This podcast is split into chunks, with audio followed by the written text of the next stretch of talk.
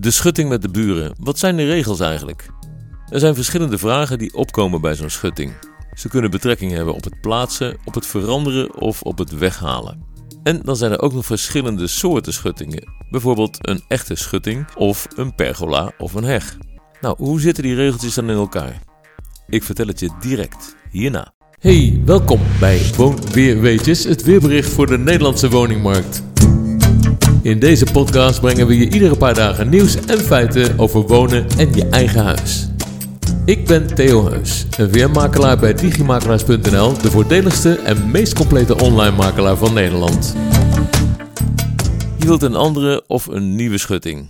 Ik werd laatst een keer gemaild door de buren van een van onze verkopers, die me wist te vertellen dat de pergola tussen de twee tuinen, die we in de brochure vermeld hadden, op zijn grond stond. En dus van hem was en niet van de buren.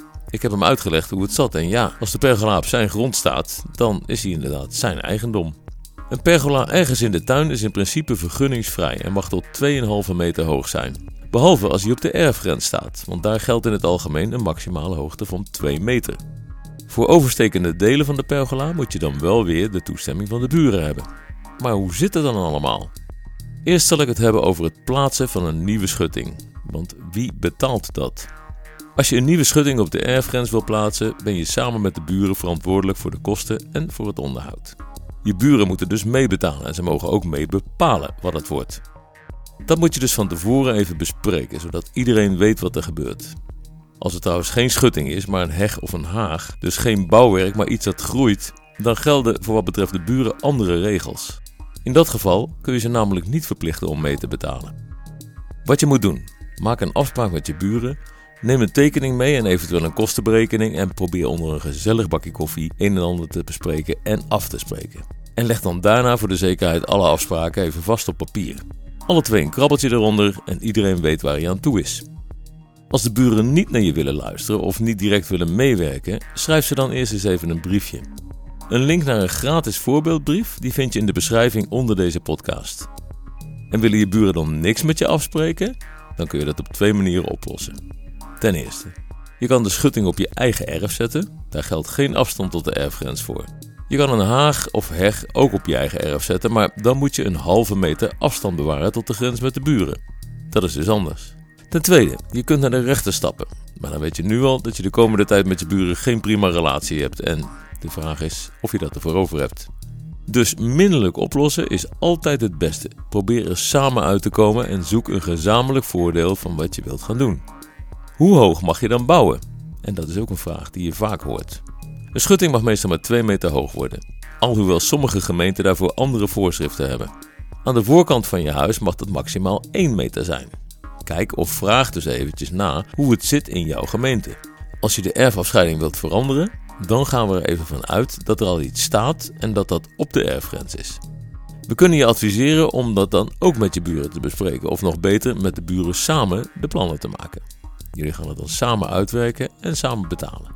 Of je werkt het uit, je buren gaan akkoord en jullie betalen het dan alsnog samen. Ook de afspraken weer even vastleggen op papier. Sommige buren zijn echt vergeetachtig hoor. Willen de buren niet meewerken? Probeer het dan nog even schriftelijk met een getekend plannetje erbij. En probeer het aardig. Je vangt meer vliegen met stroop dan met azijn. Lukt het niet, dan kun je je nieuwe schutting op je eigen grond plaatsen. Maak je hem helemaal zoals je zelf wilt en betaal je hem ook helemaal zelf. En daarmee wordt je tuin dan ietsje kleiner natuurlijk en je moet het ook duidelijk melden als je je huis gaat verkopen. Dan heb ik nog een waarschuwing. Pas op.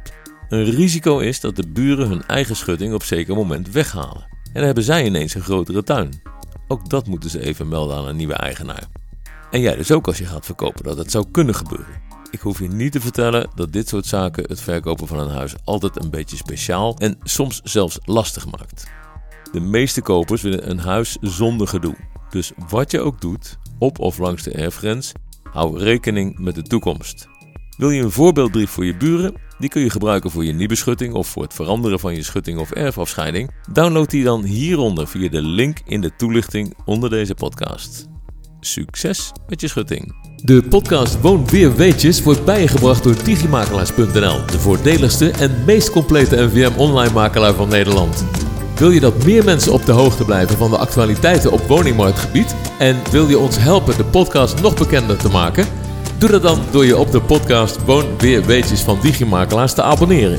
Op iTunes, Stitcher, TuneIn of Spotify. De podcast is er ook als Alexa Flash Briefing. Je kunt de skill toevoegen aan What's the News of What's My Flash Briefing. Dan hoor je iedere dag de laatste nieuwe. Wat ook helpt, geef onze podcast een beoordeling op iTunes. Of deel onze podcast op Facebook of Instagram. Super bedankt dat je luisterde en tot over een paar dagen.